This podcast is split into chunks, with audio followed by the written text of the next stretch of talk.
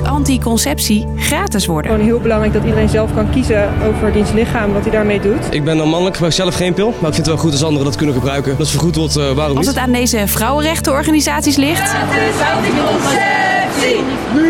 betaalt je verzekeraar straks weer je pil en spiraaltje. Ze slepen de staat voor de rechter. We zien dat 8% van de vrouwen en mensen met een baarmoeder in Nederland dat nu niet kan betalen. En daar willen we dat aan doen. Ik ben Hilde en ik heb het met je over de vraag: waarom zou je voor of tegen gratis anticonceptie zijn? Lang verhaal kort. Een podcast van NOS op 3 en 3FM.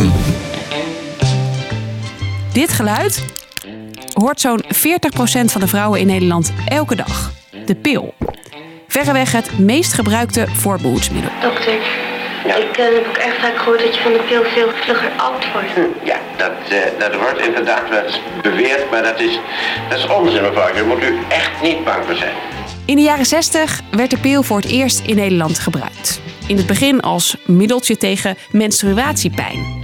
Dat je er een zwangerschap mee voorkomt, ja, dat stond als bijwerking in de bijsluiter. Dolomina wil een maatschappijverandering die moet leiden tot gelijke ontplooiingskansen voor iedereen, onafhankelijk van de seks.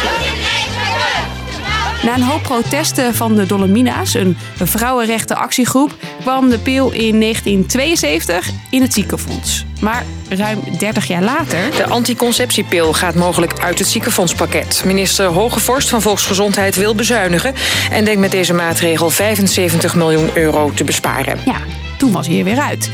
Volgens het kabinet was het voorkomen van een zwangerschap je eigen verantwoordelijkheid. En daarnaast vonden ze de pil zo goedkoop dat iedereen die wel zelf zou kunnen betalen.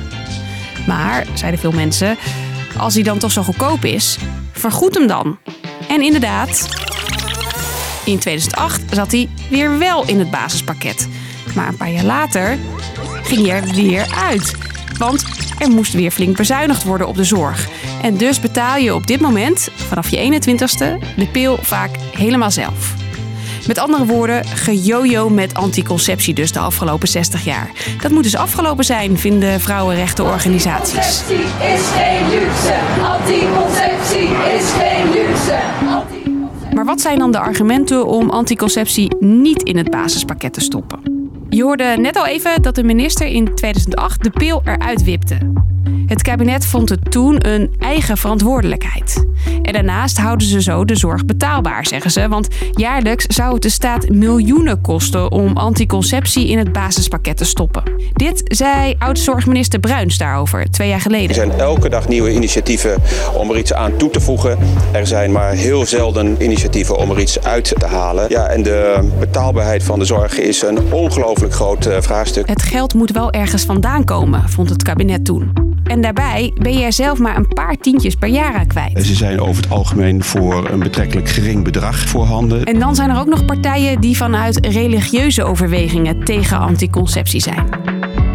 Al is de ChristenUnie inmiddels wel voor gratis anticonceptie.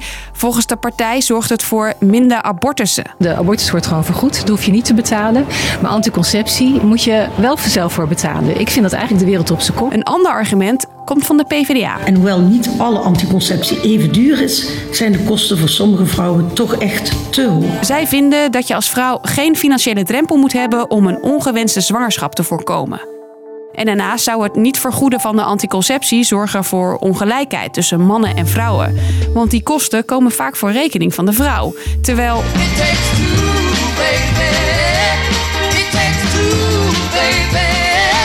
Ja, mannen hebben er net zoveel aan, zou je kunnen zeggen. Inmiddels wil een meerderheid van de Tweede Kamer dat de pil gratis wordt. Maar het demissionaire kabinet vindt niet dat zij die keuze kunnen maken. De nieuwe regering moet dat beslissen, als die eindelijk is gevormd. En daar willen een aantal vrouwenorganisaties niet op wachten. En het gaat ze niet alleen om de pil, maar ook om andere anticonceptiemiddelen, zoals een pessarium of een spiraaltje. Het condoom valt er niet onder. En we hebben het hier echt over anticonceptie voor de vrouw als zij net zelfbeschikkingsrecht of je wel of niet zwanger wil worden. Ja, bij die, bij die condoom heb je die man nodig die ook meewerkt. Exact, en dan wordt de vrouw weer in een afhankelijke positie geplaatst van de man. De actievoerders vinden dat de beslissing over de schutting wordt gegooid en slepen daarom de staat voor de rechter. Het is een soort politieke speelbal geworden, terwijl dat is het niet. Anticonceptie en toegang daartoe is een fundamenteel recht, raakt aan het recht op zelfbeschikking en gelijkheid voor alle genders. En daarom is het van belang dat de staat dit goed gaat regelen. Maar de rechter zegt: Ik ga er niet over. Jullie moeten toch in Den Haag aankloppen. De samenstelling van het basispakket is bij uitstek een politieke kwestie. Dus, lang verhaal kort. Weer speelt de vraag: moet anticonceptie gratis worden voor vrouwen? Voorstanders vinden dat vrouwen op die manier meer de baas zijn over hun eigen lichaam. Tegenstanders vinden dat het ook weer niet zo duur is dat vrouwen het niet zelf kunnen betalen. En daarbij is het je eigen verantwoordelijkheid, zeggen ze. Hoe dan ook zal het nieuwe kabinet hier een beslissing over moeten gaan nemen. Niet in het basispakket, maar wel gratis deze podcast. Ik verzeker je dat er morgen weer eentje voor je klaar staat.